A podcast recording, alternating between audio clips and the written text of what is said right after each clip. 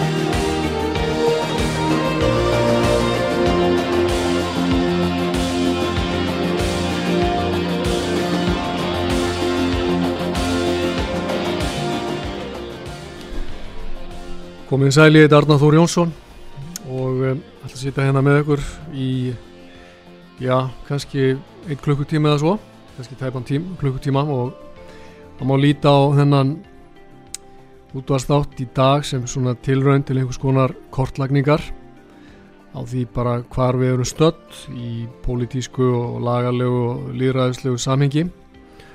Og um, ég uh, ætla að reyna að teikna upp svolítið, segja, svolítið stóra mynd til þess að byrja með og leiða mig síðan í átt til nútímans og, uh, og nota þá eingangin til að varpa ljósi einhverju ljósi á það hvar við erum og á hvaða leið við erum. Því ef við ætlum að skilja nútíman þá verðum við eiginlega að skilja fortíðina. Og ef við ætlum að reyna að hafa einhverja hugmyndum hvernig málmunu þróast í framtíðinni þá er eins gott að við höfum líka skilning á því hvar við verum stödd í nútíðin ekki satt? Þannig að allt geng, gengur út á það að við svona sem borgarar reynum að vera já taka ábyrð á stjórnmálunum taka ábyrð á líðræðinu taka ábyrð á okkar eigin frelsi. Og uh, til þess að við sko við höfum að búast við því að geta verið sko frjáls að þá verðum við að þóra að axla þá ábyrg sem því fylgir. E, þeir sem að í sko síndu þjóðmálum og stjórnmálum engan áhuga í Greiklandi til forna þeir voru kallaðir kjánar eða flón. Og e, sem betur fyrr þá verður ég nú ekki held ég að er ég að vonast til að það séu nú ekki margir hér á Íslandi en þó er það kemur það fyrir að ég, hitti fólk sem segir ég hef engan áhuga á stjórnmálum. Ég hýrði ekki um hérna, það hvernig kostningar fara og, og svo framvegs uh, en uh, það er náttúrulega kannski ekki hugarfar sem er í, í bofi ef að við ætlum að stýra þessu flegi, þessu, þessu þjóðaskútu svona átt til einhverjar, já, einhver, einhvers konar farsala höfn þannig að ef að maður reynir nú að svona horfa yfir sviðið og nú, nú er ég bara að reyna að gera þetta svona auðvitað út frá mínum sjónarhóli og aðrir geta svo greint þetta út frá sínum. En ég er því þakklátur ykkur kæru hlustendur sem að gefa ykkur tíma til að hlusta núna næsta já þennan tíma sem ég ætla að tala. Sko þetta samfélag þessi samfélagsgerð sem við á Vesturlandum höfum að hérna allist upp við og búum við enn þann dag í dag sem betur fyrir að meginstefnu er í söguleg samhengi mjög, við hefum sagt uh, merkileg. Vegna þess að ég held að sé alveg sama hvert við rínum í fortíðinni þá er það yfirleitt þannig að við sjáum að samfélagin voru holfuð niður í einingar þetta var þessi, við bara sem dæmi ef við bara horfum inn í, gamla, inn í lesum gamla testamentið þá sjáum við sko kynnkvíslir gýðinga, hvernig þeir, þær skiptust þá niður, 12 ættir ekki satt og það voru reist að tjálbúður þessi hver og einn ætt átti sitt, sinn stað og sinn fána og, og uh, þetta þekkjum við líka bara út frá okkar sögu hér á Íslandi hvernig ættir börðust um völd hér og uh, svo bara átt að náðu síðan hámarki hér á 13. öld í þegar menn voru og ættir að kvista hver, hver, hvern annan niður hér í eh, fjölmennum bardögum sem að mörg hundru manns voru í kóru liði fyrir sig og eh, við þekkjum þetta eh, svo sem auðvitað líka bara alls konar rík milli héraða og milli trúarbragða og, og það er engin skortur á því ef maður horfir í þetta í sögulegu samhengi hvernig mönnum hefur verið skipt niður með þessum hætti Þannig að grunn einingin í þessum fyrri tíðar samfélagum var fylkingin og hópurinn en ekki einstaklingurinn.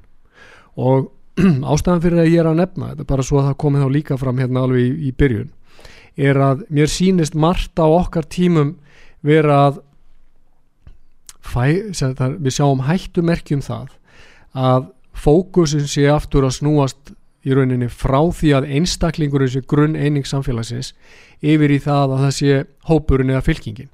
Ég kendi í mörg ári í, í uh, háskóla og uh, ég gerði það stundum svona hins síðari ára mér fannst gott að svona til að reyna átt að með á því við hvern ég var að tala þá leti stundum nefendu mínu mína skila svara með reyni spurningum og spurningin var hver ertu? Og svolítið merkilegt að e, ég fekk yfirleitt svona svör e, ég er kona eða ég er kall eða ég er laganemi eða ég er hapfyrðingur eða ég er e, veist, samfélkingamadur eða sjálfstæðismadur eða það var allar tegundur af, af því sko. Þannig að sjálfsmyndin er þá sett á hlutverkið sem þú ert í eða uppbrunnan og í sjálf þess að segja þessi stimplar ekki mikið um það hver, hver talar eða við hvern ég sem kennari er að tala. Og þetta er spurning sem hefur auðvitað þetta er grundallar spurning í, í öllur svona hinsbyggju og trúabröðum, hver er ég? Og uh, trúin hún beinir sjónum manna inn á við og minnir okkur á það að við erum þá já, eitthvað annað og meira heldur en fulltrúi einhvers hóps. Og þegar maður fyrir að skoða þetta svona í, í sögulegu samhengi að þá þá svona virðist mér að það verði ákveðin svona það verði ákveðin uh, uh, grundvallar breyting það verði einhvers konar vatnaskil með tilkomu Krists og, um, og það er svona merkilegt þegar maður sko les um uh, Jérúsalem og, og þetta, þetta bara þetta landsvæði á tímum Krist þá er að, þá sér maður snemma að þarna stíga fram fulltrúar alls konar hópa. Þannig eru samverjar og selótar þannig eru skattheimtumenn sem eru þá fulltrúar tilheyra þessi starfstétt og fræðimenn í lögum og siðum gýðinga og þannig voru trúarfylkingar eins og farisegar og essenar og nasarenar og saddúkegar en það sem er ótrúlega sérstakt við e, þegar maður les í sko, orð og samtöl Krists við þá sem urðu á veians að e, þá er hann alltaf að tala við einstaklingana.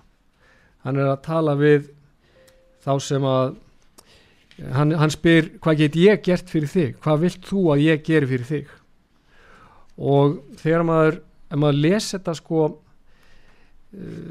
svona maður reynir að rína í það það er alveg búið að skrásetja það að hann talar þarna á sínum ferli við 164 ég held að mér minnir að það séu 164 einstaklingar sem hann, sem hann ræðir við.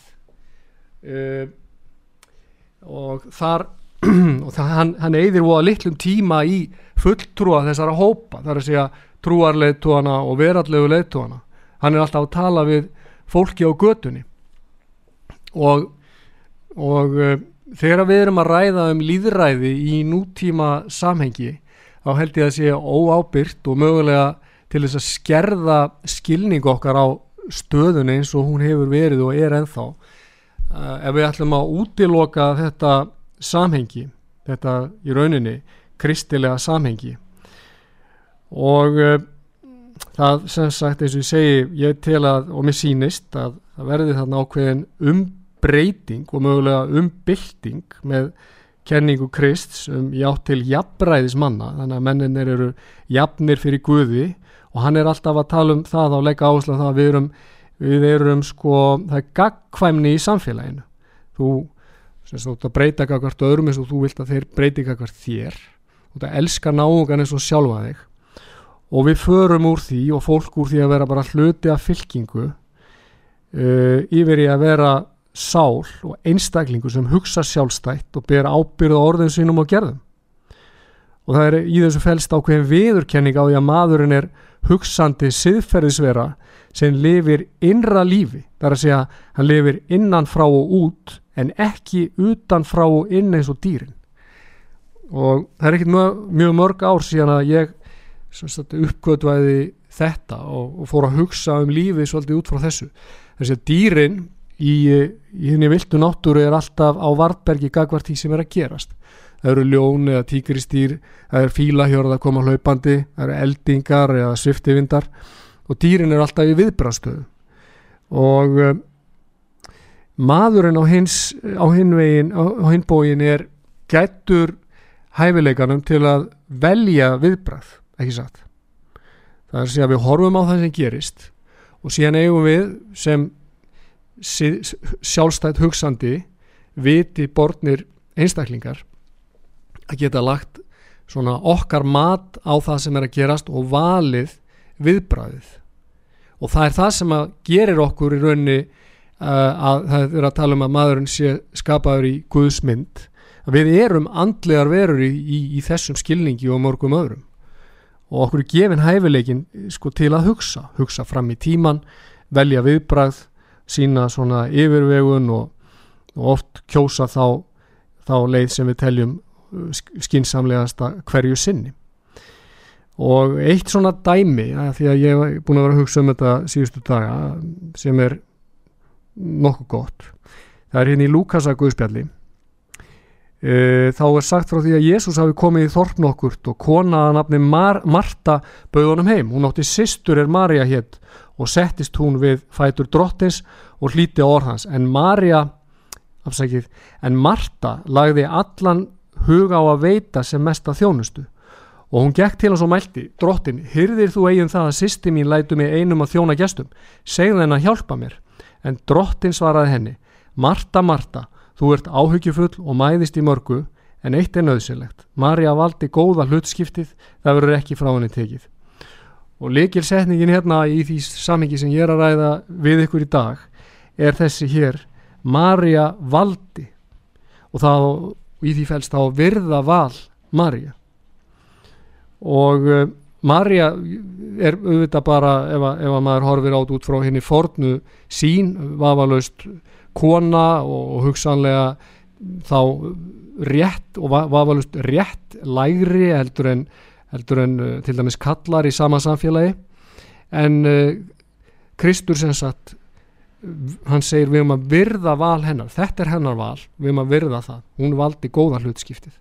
Henni gafst tækifæri á að sitja hér og, og, og hlusta og eiga samtal og hún valdi það. Frekar heldur hún að vera á þönum. Það, er, það getur verið tími allt, á, allt hefur sinn tíma ekki satt?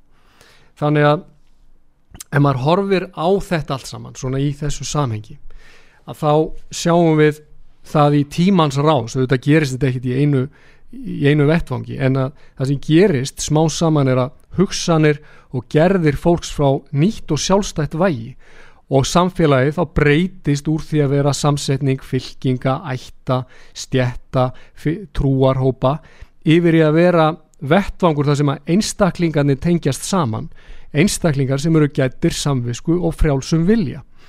Og þetta er raunni algjör umbylting þetta er rauninni rætur líðræðisbyltingarinn að liggja í þessu. Það er að segja að mönnum fyrir að leifast að hafa eigin vilja frjálsan vilja og hlusta á eigin samvisku og skynnsemina og innsæið og veita samþykki og velja sjálfstætt og verða ekki bara hluti á hóknum heldur verða einstaklingar. Og þetta er viðfángsefni nútíma samfélags ennþá það er að verja þennan rétt okkar til að fá að vera einstaklingar. Þannig að ef við horfum á þetta sko lagalega að samþykki og frjálsvilji þetta eru undir stöður laga og réttar. Þannig að þegar þetta gerist þá hefur sko í rauninu öðru þrepi í umbyltingu í átti liðræðis átti sér stað hugsaðu ykkur hvað þetta er mikilvægt bara að konur, þetta, þetta, þetta sérstaklega við um konur í sögulegu samhengja þar fái að sko að gildi hjónaband sé háð því að þær veiti samþykki sitt. Það sé enginn þvingaður í hjónaband. Og að menn hafi ráðstöfunarétt þá yfir egnum sínum. Þetta er grundvöldur egnaréttar og þetta er grundvöldur erðaréttarins og þetta er rauninni grundvöldur siðfræðilegs jafnræðis þetta er grundvöldur sjálfsákurnaréttar og að við séum jöfn fyrir lögunum þeir margir íslendingar kannast við máltækið dýriði hafliði allur og uh, þetta er máltækið sem vísa til þess að hafliði Másson sem var uh, lögspekingur, við skulum bara kalla hann það á, á uh, já, allir þetta hafi ekki verið á 12. öld sem hann skráði lögin fyrst, held að það hafi verið 1170 sem að hafliða skrá er, er, er sem sagt rituð og þetta er þá fyrsta í rauninni skráning laga á Íslandi. Hafliði Másson, merkur, merkur maður. Nema Hafliði var fyrir því að einhver svona minniháta maður hjóa á honum fingur, einn eða tvo og uh, þetta, fyrir þetta var sá sem að hafi sveifla sverðinu dæmdur til að greiða sko, fjöldamörg uh, hérna, kýrverð. Og uh, það er þá segir þessi sá okkur það að almúamaðurinn hefði aldrei verið dæmdur svona, nei bættur eða fengið slíkar bætur. En að því að Hafliði er svona yfirstjættamaður að þá var hann sagt, verðlaður allt öðruvísi heldur en almúin eh, þannig að jafnstaða manna fyrir lögunum er líka atriði sem að smám saman síast hér inn í hinn vestræna rétt. Og við höfum ekki að taka því sem, sem sjálfgefn við eigum þvert á móti að standa þetta vörðum það að við séum öll jafnstæð fyrir lögunum. Og við séum ekki dæmt út frá kynferð okkar húðlit eða uppruna.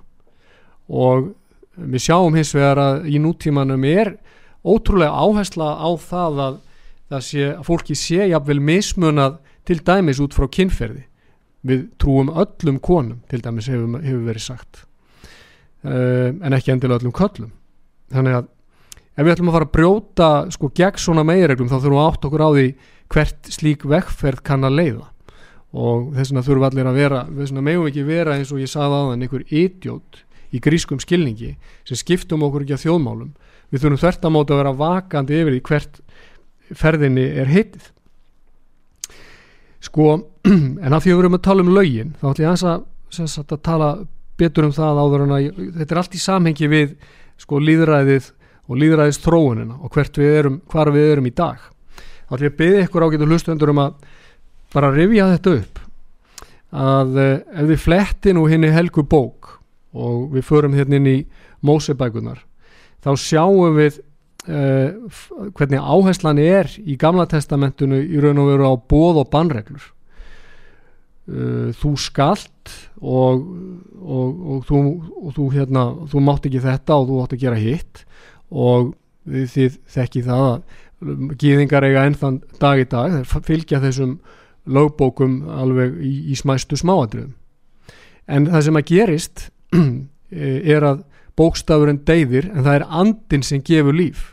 Og ég held að Pál Postúli hafi sagt það. E, bókstafurinn deyðir en andin gefur líf. Þar að segja við festumst sem borgarar eða sem lögmenn eða sem dómarar í því að lesa bókstafin þá er hættan svo að við missum sjónar á því hvað tilgangi er þessu ákvæði ætlað að þjóna. Í stóru myndinni hvers konar samfélag erum við að reyna að búa til hérna? Hvers konar umhverfi erum við að reyna að búa til fyrir mannin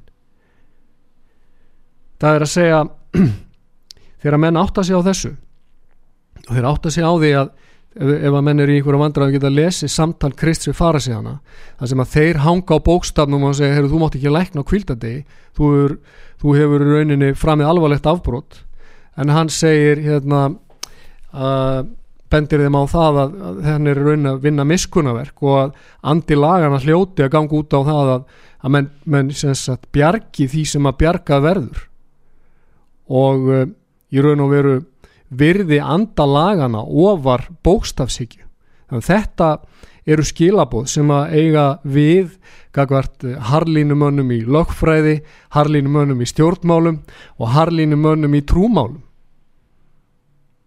Það er andin sem við verðum einhvern veginn að halda lífinu í og við verðum að muna það að þetta lítur að miða því að skapa gott og mannúðlegt samfélag þar sem við stöndum jöfn gagvart hverju öðru. Og það er verður til þarna smá saman aftur, þetta gerist ekki í einu vettfangi að það verða í staðin fyrir bóð og bannreglunar þá verða til reglur sem veita mönnum svigurum og samningsfrelsi og veita mönnum rétt. Alltaf verða að tala um mannréttindi. Hva, hvað þýðir það að hafa mannréttindi þýðir það ekki bara það að okkur er veitt val? Það að hafa rétt til einhvers það felur í sér að menn hafi val. Og ef þú hefur ekkert val þá ertu rétt laus ef þú hefur ekkert val þá hefur ekkert og tómt mál að tala um mannréttindi. Þá ertu bara í þeirri stöðu að að þú þarf að hlýða og rétturinn er þá hjá einhverjum öðrum. Það getur verið hjá yfirstjettinni eða stjórnvöldum. En þú ert allavega bara rétt laus. Þannig að þetta er grundvallar sko, við getum sagt bara algjör vatnaskipti í lagalegu og líraðislegu samhengi þegar að laugin fara að veita mönnum val og sjálfstæðan rétt og við sem einstaklingar, við sem að viljum taka þátt í stjórnmálum, við sem erum embætismenn, við erum að verja þennan rétt manna. Við erum að muna það að menn eru siðferðisverur sem erum, við erum gætt hæfileika til að greina melli góðs og íls. Og þetta ágetur hlustendur sem ég er búin að vera að lýsa núna í fáum orðum, það mætti kalla þetta grundvöld vestræðna menningar. Ok, einhverju segja ég nenni ekki að hlusta á þetta, ég er hérna að horfa þátt á Netflix eða eitthvað og allt í læg með það en það sem ég er að reyna að lýsa hérna er grundvöldur vestrætna menningar þetta er grundvöldur þess sem að við erum alltaf að tala um svona á hátilögum stundum. Það er þetta frjálslindi og líðræðið í kjarna þessara hugtaka ágætu hlustendur stendur eitt fyrirbæri. Og hvað er það? það er einstaklingurinn. Það er einstaklingurinn, ekki hópurinn. Einstaklingurinn sem að hugsar einstaklingur sem má, evast og einstaklingur sem hefur samkvæmt lögum vald til að velja og beita frjálsum vilja. Og síðan núna þegar ég er búin að tala um þetta þá ætla ég að gera östuðlið og uh, í síðari hlutanum ætla ég að færa umræðina þá nær nútímanum. Og ég ætla að tala um í rauninni samfélagsáttmálan, ég ætla að tala um samskipti okkar sem einstaklinga við ríkisvaldið og hverjar eru forsendu þess að við afhendum ríkinu vald og framseljum vald þangað? Og hvaða, að hvaða marki ber ríkinu þá að virða rétt okkar og frelsi okkar til að velja? Það er það sem ég ætla að tala um í síðarlutan og hérna við fáum þá auglýsingar og hugsanlega spölum við hér eitt ágætt uh, tónverk eftir Couperan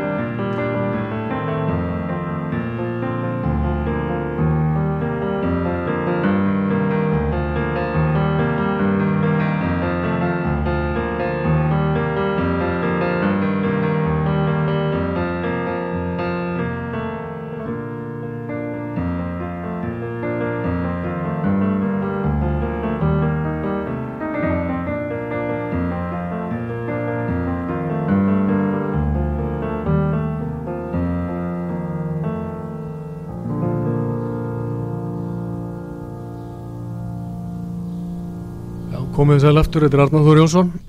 Þetta var tónverk eftir Kúperan og það má saga með öfurlustu margt og ég get verið leiðilegur og allt það en þið get ekki saga með um að hafa leiðilegan tónlistasmög Ég var að tala á þann um það að sagt, ég var aðeins að kortleggja sko, ég var að draga upp alltaf svona stóra mynd sögulega og við hefum sagt uh, guðfræðilega menningarlega mynd, reyna það sko og, og teikna þetta upp hvernig tengslinn eru inn í við lögin og allt það en í setni hlutanum ætla ég aðeins að ræða nánar um bara stöðuna eins og hún byrtist mér í dag. Og uh, ég nefndi það hérna í svona kynningunni að, að ég ætla að ræða um samfélagsáttmálan og uh, þetta er svona gömul hugmynd sem var sérstaklega mikil rætt, mikil rætt á átjóndöldinni það er að segja, við þekkjum þetta frá Locke og ég held að Rousseau hafi talað um þetta líka. Það er að segja, einstaklingarnir í ríki náttúrunar afhenda ríkinu völd og skerða eigin frelsi til að geta sé til þess að ríkið þess að gaggjaldið er þá að ríkið haldi upp í lögum og reglu þessi ríkið sem að tryggja frelsi og öryggi. Uh, við framseljum valdi ríkisins með þessum skilirðum og leifið er skilirt þannig að það sé verið að verja borgarana. Þetta er gert þá með til dæmis laurugluvaldi og herrvaldi. Ríkið ver tilvist okkar og frelsi og ver okkur, það á að verja okkur fyrir harðstjórn, þá samborgar okkar og ofríki samborgarana. En það á líka, við skulum ekki gleyma því, að ríkið tekur í raun á sig að verja okkur borgarana gagvart stjórnvöldum sjálfum ég vil allir leggja nú vel við hlustir. Ríkinu er ætlað ekki bara verja okkur fyrir ofríki og ofbeldi frá öðrum borgurum heldur er það algjört skilirði að ríkið verji okkur fyrir stjórnvöldum sjálfum. Og ef stjórnvöld ætla að ganga á langt ef að stjórnvöld ætla að yfirstíga þessi mörg það er að mörgin sem þeim ætla að verja ef að ríkið ætlaði undir yfirskinni neyðarréttar að yfirstíga mörgin og fara að ganga nær fólki með meiri frelsiskerðingum en góðu hófi gegnir þá þarf, þurfum við að standa gegn því og við þurfum að, að veita viðnám og gæta þess að slík valdbeiting fari ekki fram úr meðalhófi. Því að ef að, er, ef að valdbeitingin fer fram úr meðalhófi að þá er vegið að líðræðinu og það er vegið að þessu sem ég var að tala um áðan. Bara valfrelsi hvers manns. Því að þegar ríkið er komað án í hálsmálaður þá hefur ekki endilega neitt val lengur. Og sagan segir að ríkið, það fer engu manni vel að alltaf fara að leika guð og ríkisvaldinu ekki heldur þess að þegar, þegar að menn fara að reyna það þá fylgir al, alræði alltaf í kjölfarið og ég verði að veltaði fyrir mér erum við mögulega að horfa á eitthvað, eitthvað þróun í þess átt? Erum við, erum við að horfa upp á það að menn stýi hér á stokk og vilji fara að leik, leika guð? Vilji fara að vera alvaldar og ráða yfir lífi okkar í stóru sem smáu? Stýra því hvað við kaupum hvert við ferðumst hvað við segjum og jáfnvel hverju hvað við hugsum og erum við að velja fólk, getur það verið að við veljum fólk til fórustu sem að vil sitja í svona hásæti yfir okkur, sem vil taka sér svona vald? Erum að velja fólk sem að þykist vera með öll svör? Og býður einhvers konar gerfi lausnir við stórkostlega vandamálum? Erum við kæru hlustendur, þetta er alvarleg spurning lifum við núna á tímum það sem er mögulega vera að taka upp eldra fyrirkomula, ég saði hérna fyrir hlið að á fyrir tíma var stjórna með bóð og bannreglum og að frelsi manna var þá ekki virt. Erum við að hverfa frá því? Erum við að, er lögjöfin okkar og réttarkerfið í rauninni að svona, er því að nigna þannig að það er verið að taka núna frá okkur valfrelsið, samningsréttin mannréttindin og í staðinn taka upp eldra fyrirkomulag sem eru bara bóð og bannreglur. Hvers konar afturför væri það þá?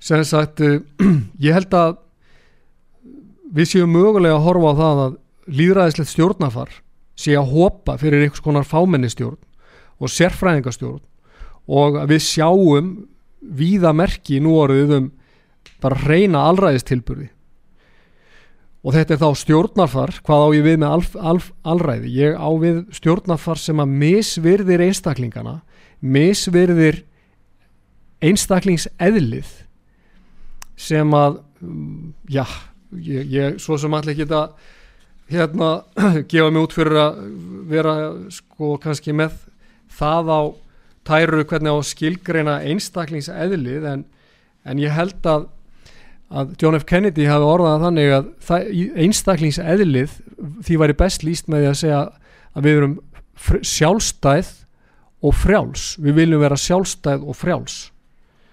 Og kerfið sem við komum að fót má ekki misvirða þetta þennan grundull allræði stjórnafar misvirðir frjálsa hugsun og allræði stjórnafar misvirðir í raun og veru dýrmæti einstaklingsins viljum við búa til slíkt kerfi, ég held ekki við hljótum að vilja hérna þá búa við betra kerfi og verja það sem fyrir er og uh, og ef við ætlum að verja uh, líðræðið að þá þá hérna, því ég er að tala um þetta svona í þessu guðfræðilega og trúalega samhengi að C.S. Lewis rittöfundur er góðið sem að samti meðal annars hérna bókina um Narni og margi þekkja bíomöndin um Narníu að hann svona var mjög hérna trúað maður, ég held að hann hafi tekið trú svona á miðum aldri.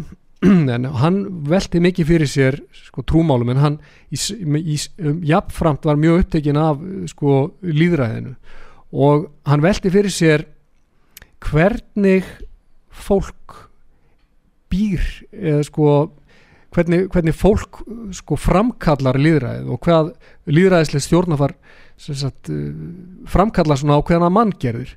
Og við getum sagt að annarsvegar, eða hann lísti í þannig annarsvegar er þetta fólk sem að svona er uh, já, bara umburðalind og kannski tekur ekki mikla afstöðu og ef ég ætti að lýsa því fáum orðum, ég held að það vera ágætis lýsing hjá Hannesi Holstein, þetta er kannski fólk sem vil græða á daginn og grila á kvöldin. Þetta er ekki slæmt fólk, það hefur bara nóg að gera. og, eh, og eru mjög upptekið í því sem það er að gera dagstæli og vil kvíla sér þegar heim er komið og þetta er ekki vandraða fólk í, í líðræðislegu tilliti.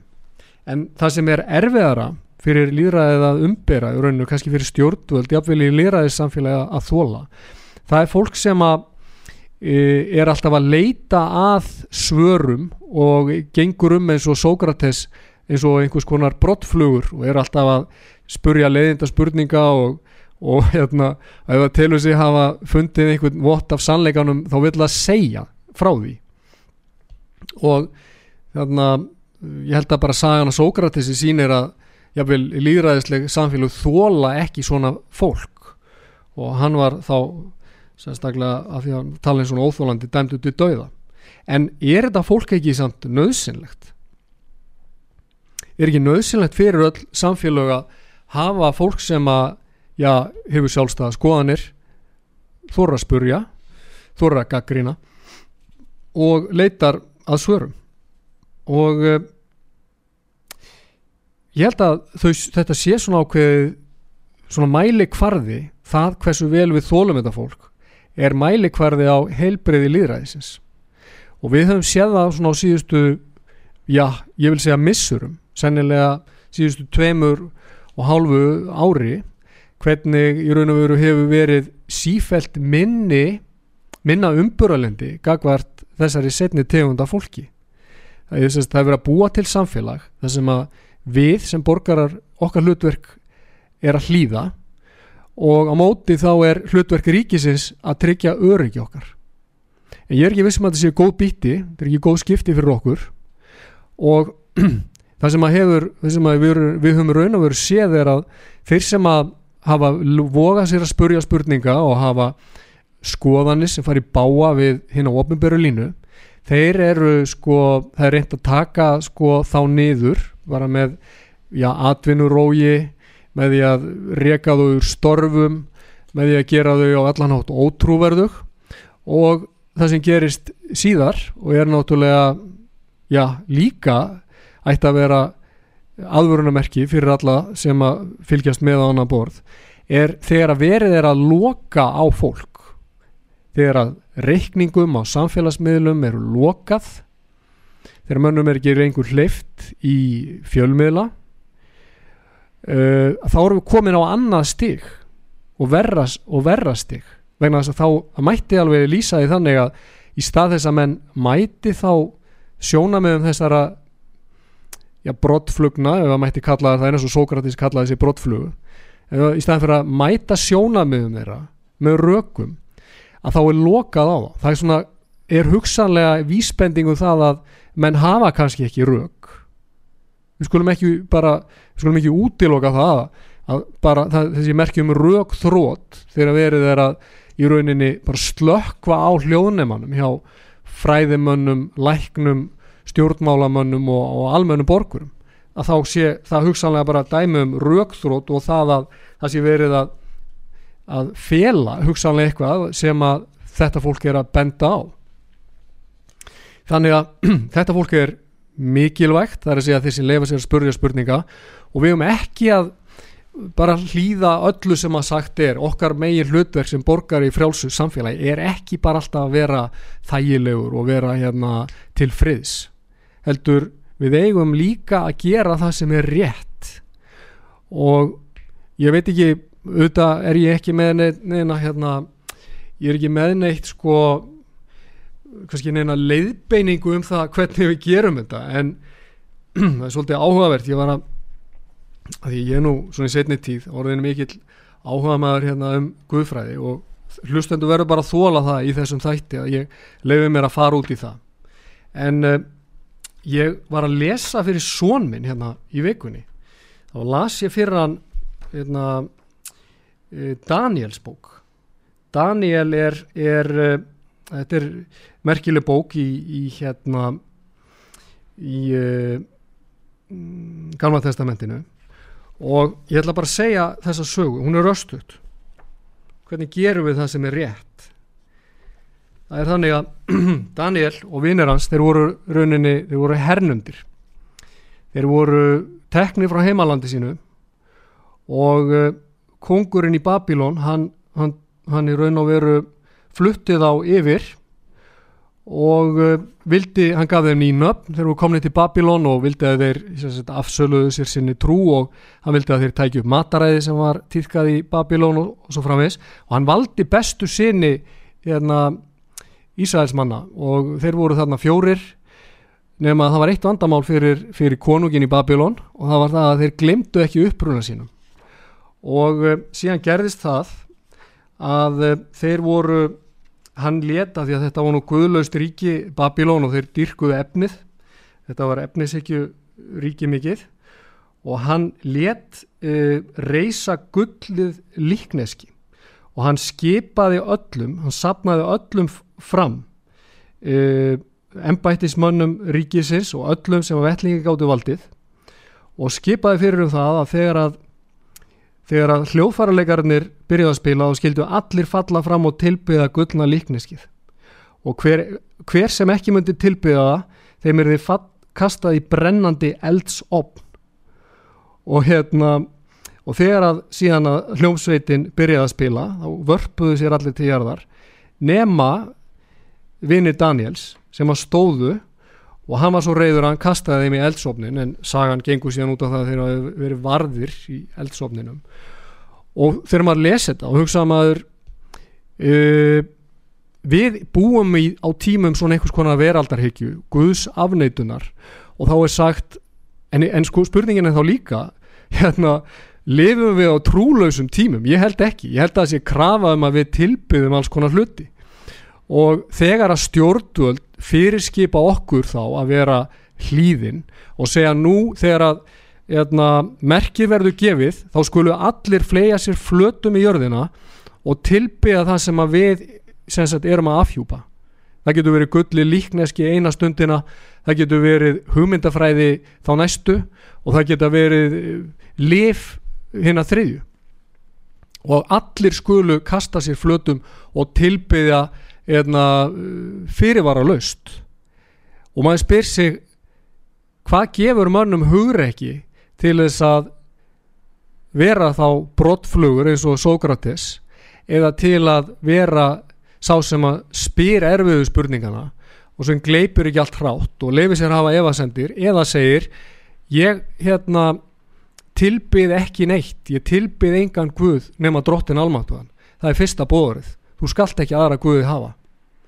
Og því munið það kannski þegar að, þegar að hérna djúvöldin leiti Jésu upp á fjalli og reynda fristans og sagði ég ætla að gefa þér, ég skal gefa þér allt þetta. Og horfið yfir ríki jarðar og, og hérna vildi gefa honum allt þetta, þá svaraði Jésús nákvæmlega þannig, hann sagði hérna e, þú skalt ekki aðra Guði hafa. Og ég tilbyði engan annan Guð en drottin almáttuðan og þannig stósta frestinguna hvað gefur fólki í nútímanum styrk til að standa gegn fyrirskipunum stjórnvaldaðum að það er að tilbyggja þetta núna? Og það skulle vera fyrir, fyrirvaralaust tilbyggsla. Ég held að ef að trú, Guðs trú er með öllu útrýmt úr samfélagi manna þá verða, og ég held það ekki, ég meina það er bara staðrind, þegar það gerist þá er viðnámið horfið. Og ég minna á það að verstu allræðis ekki sögunar þar með talið Hérna, kommunistaríkin og, og nazistaríki og, og fasistaríki þau eru, eru guðlaus ríki sem að í stað guðs taka, þau reyna að taka guð niður af, af hérna, stallinum og setja sína hugmyndafræði og sína leiðtoga í efstasætið. Og þegar við erum komið þangað þá er ekkert viðnám.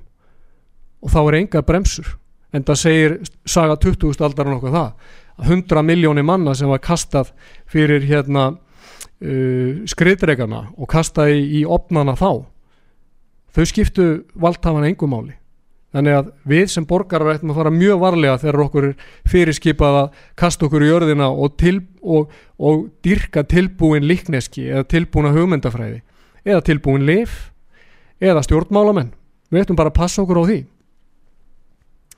ég held að við ættum að reyna að hafa og við verðum ef við ætlum að hafa hér hérna, einhvers konar mannúðar samfélag ef við ætlum að minna okkur á það að einstaklingarnir eru dýrmættir að þá meðum ekki gleyma því að það er til sannleikur sem er hlutlægur og stendur ofar því sem að stjórnvöld á hverjum tíma kalla sannleika. Og það er skilda okkar að reyna að leita þessa sannleika og það gerum við ekki síst með því að evast það má alveg evast og hérna ég meina við erum að tala um Krist hann, hann leifir fólki að evast ég meina þvinguð trú er hún, hún er, hún er eitur í beinum allra, allra hérna, rétthugsandi manna. Við þvingum ekki trú upp á annað fólk og allir hafa frelsi til að evast en evin er líka mótor sem kví, knýr okkur í átt að sannleiksleitt og það er ekki bara þá frelsi okkar til að taka leita sannleikans og taka sjálfstæðar ákvarðanir það er líka ábyrð okkar. Og við, sagt, og það bara svo ég glemið ekki að þessi veraldarhyggja því að Babilónuríkið var veraldarhyggjuríkið það tilbaði rauninni efni og það voru þessir hérna, því munið hangandi gardar í, í hérna, Babilón var það ekki og, og mikið, mikið um dýrðir. En veraldaríkin þessi af, Guðs afneitunaríki þetta er ekki, þetta er ekki siðferðilega hlutlöst endilega. Hún er það sjálfnast og hvert er þá hlutverk einstaklingsins? Er það ekki það að vera svolítið gaggrinin og þóla gaggrini annara á, á þig? Þannig að og, og segja þegar, hérna, við erum sögð kolluð leiðinleg eða eitthvað svona og það er sagt, þeir eru hlustað bara á sérfræðingana. Lappaði takt við alla sem að e, alla hina. Ekki, þú voru að aðlaga þig að samfélaginu og eitthvað svona. Að þá verða að nota svona hugmyndafræði til þess að berja neður sjálfstæða hugsun. Og batnið í, í sögunum hérna um, uh, hvað hérna, hérna í Hási Andersen hérna uh, sem bent á að keisarinn væri ekki nefnum fötum. Það hlustaði ekki á þessa rattir það bara spurði í, í einlægni og það sagði í einlægni maðurinn er ekki nefnum fötum. Við þurfum þetta fólk. Það er bara, það er, það er bara staðrind og hérna uh, við, við hins vegar stöndum fram yfir því á getur hlustendur að það er verið það er ótrúlegt að segja þetta á 2000, árinu 2022, ég hef ekki trúið þessu en það, það er staðrind og við þurfum ekki nefn að bara kveikja útvarpu og horfa sjónvarpu að það er verið að reyna að stýra umræðinni það er verið að reyna kerfisbundi að þakka niður í gaggrinnsötum og það má segja að það er gert með tveimur leiðum í dag. Það er annars vegar að allar öldur ljósakans, útvarp og sjónvarp eru fylltar með einu og einum og sama bóðskapnum. Þið skuluð hlýða, þið eigið að gera þetta, þið eigið að gangi takt, þið megið ekki evast. Og hinleiðin er þá bara reynd og beint sem sagt rittskoðun. Og við erum komin á ótrúlega alvarlegan stað sem Íslands samfélag þegar að Íslands stjórnvöld eru gengin í bandalag við stjórnendur samfélagsmiðla og farin að fela þeim rittskoðunavald yfir íslenskum borgurum með þar með talið að taka einstaka menn bara úr umferð. Eru rökin svona erfið að það sé ekki hægt að svara því málefnalega? Er, er, er einfaldast að slökkva fólki? Segir það ekki eitthvað um einhvers konar rök þrótt ég, ég hefði haldið það. Og ég vil segja sko ég held ef við, ef við horfum yfir síðustu ár er ekki fjölmiðlar og ég er ekki að tala um þessa útastöð hún kann að hafa sína hérna, galla og, og hún hefur sína kosti líka. E, en þó, þetta er þó í það minnst að frjáls útastöð þar sem alls konar fólk fer að tala. En ef við horfum á hérna miðlana flest alla eru þeir ekki bara partur af sko stjórnkerfinu? Hafa þeir ekki verið nýtti núna árum saman til að auðvelda stjórnvöldum að koma sínum málum í gegn og er það ekki rétt sem að Edvard Bernays sagði sem að var þessi áróðusmeistari og frændi Freuds? Sagði hann ekki nákvæmlega sá sem að stýrir sko narratífunu eða sögunni? Hann stýrir því sem gerist hann stýrir framvendunni hafið þið pælt í því og hafið gerað eitthvað grein fyrir því að allir þessi frétta tímar sem að dinja nú á heimsbyðinu dag eftir dag það er sagt að sko meiri hluti frétta, jáfnvel alltaf í 70% af því sem að kemur fram í fréttum stafi frá fréttameilum í eigu sjö aðila.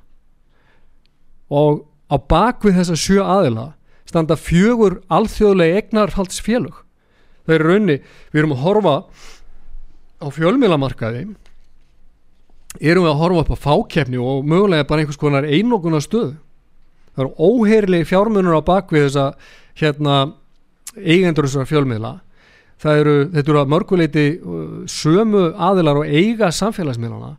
Þeir eru að stæstan hlut sennilega í, í livjafyrirtækjunum og ef að þessir aðilar síðan kjósa að fara að semja sem sagt uh, atbörðurás eða, eða búa til narratív á vondri íslensku að þá gengur þetta yfir okkur í svo fellibilur og þá er eins gott að menn geti og þóri að standa í lappirnar eins og vini Daniels í, í sögunni sem ég var að segja ykkur á hann en falli ekki killi flattir því að þá er þetta búið sko. Þá erum við, þá erum við í rauninni daginn sem að allir falla flattir þá erum við komin úr líðræðislu stjórnafari yfir í skona allræði þar sem að maðurinn hefur ekki lengur rétt heldur á bara hlýða.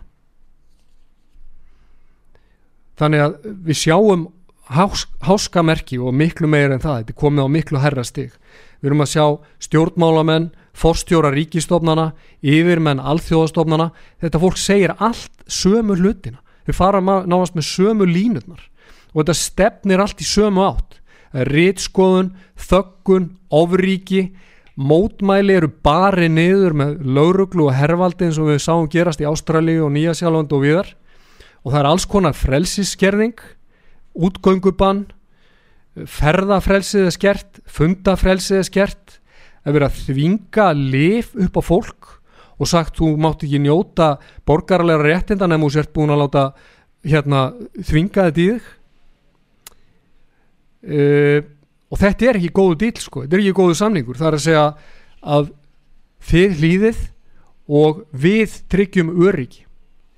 Þegar ég var að ég var að hérna sko ég undirbjóðum nú mig nú aðeins fyrir þennan útvarstátt aldrei svo vant en ég rakst nefnilega svo merkilegt bara eiginlega í gerðkvöldi á ræðu sem að John F. Kennedy held 1961 og uh, þetta er í april 1966 og fundi með blaðáutgefndum þá segir John F. Kennedy að þeir að, að bandarist þjóðfélag og hinn frjálsi heimur standi frammi fyrir mjög alvarleiri ógn eða eins og hann kallaði þetta eðna, grave danger.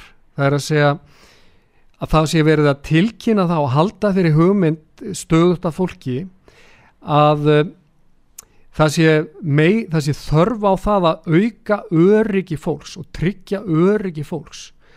Og undir því yfirskinni sagði Kennedy 1961 þá er verið að koma á fót réttskoðun og þá er verið að halda upplýsingum frá fólki. Þannig að hérna hann segir í Ísara ræðu að uh, við stöndum frammefyrir uh, við stöndum frammefyrir uh, í raun og veru ég er nú að reyna að þýða þetta ruthless, það er svona hvað verið ruthless, það verið svona grimmileg þetta er svona grimmileg, grimmilegt afl sem að með leint færir út sko, færir út uh, áhrif áhrifasvæði sitt og gerir þetta allt á bakvið tjöldin. Lauma sér inn í valda stjættirnar í staðin fyrir að ráðast inn. Það er verið að, að hafa laumuleg áhrif á það hvernig fólk hugsar í staðin þess að treysta á líðræðislega kostningar þetta eru öll sem beita óg í stað þess að verða frjálst val eh, manna. Þetta eru skærulega hirtnaður eins og hann orðaða í stað þess að menn berjist og sæki fram í, í, í dagsljósinu. Þetta er kerfi sem að, sem að uh, hefur yfir að ráða geipilegu mannabla og fjármunum og að, sem að hefur búið til þjætt net sem að hefur nær nú utanum, þetta er 1961 nær nú utanum hernaðarvald e, diplomatist vald leinithjónustunar e, hagstjórnarinnar vísindana og stjórnmálana og það sem er alvarlegast, sagði Kennedy er að þetta er allt dölið þetta er ekki auglýst. Og að mistökin þau eru falin þau eru ekki í neinum fyrirsögnum. Og að þeir sem að voga sér að andmæla það er þakkað niður í þeim. Þeim er ekki þakkað. Þetta vald gengur hart fram og getur leift sér að veita slíkum fjármunum í, í hugðarefni sína það eru engin mörg á því. E, það, það, það kveður niður alls konar orðuróma það, það afhjúpar engin leindarmál og það stýrir einhvers konar hernaði gagvart almenningi e, sem að ekkert líðræðislegt vald getur nokkuð tíman vonað að það geti, að geti sko staði jafnfætis. Og svo endaðan ræðuna ég er nú ekki með það, ég prentaði það ekki út en ég, ég sess að ég ætlaði að taka það með mér en hann endaði ræðuna á því að segja að hlutverk mannsins og hlutverk stjórnvalda er að vera það. Hlutverk mannsins og eðli mannsins er að vera frjáls og sjálfstæður það er það sem við erum í grunninn. Það er það sem okkur er ætlað að vera. Og við höfum ekki að láta neinn stjórnvöld taka það af okkur. Við höfum ekki að láta fæla okkur til hlýðinni eða til hérna, þess að vera kúð og undir okkur. Þetta er að dýrmætast sem við eigum. Vera frjáls og vera sjálfstæð og reynum að standa í fætunar eins og líst var í söguna Daniel og ég er að reyna að gera það hérna með þessum útastætti Kennedy var nú reynda skotin þarna nokkrum árum eftir hann tveimur árum eftir hann held þess að ræðu ég vona að ég sé ekki að tefla lífið mín í hættum eða að lesa þetta í útvarpi en það verður þá að hafa það ég bara hviti ykkur enn og, enn og aftur ágætu hlustendur til að hugsa, veita við ná standi fætuna, vera frjáls og vera sjálfstæð. Takk fyrir í dag.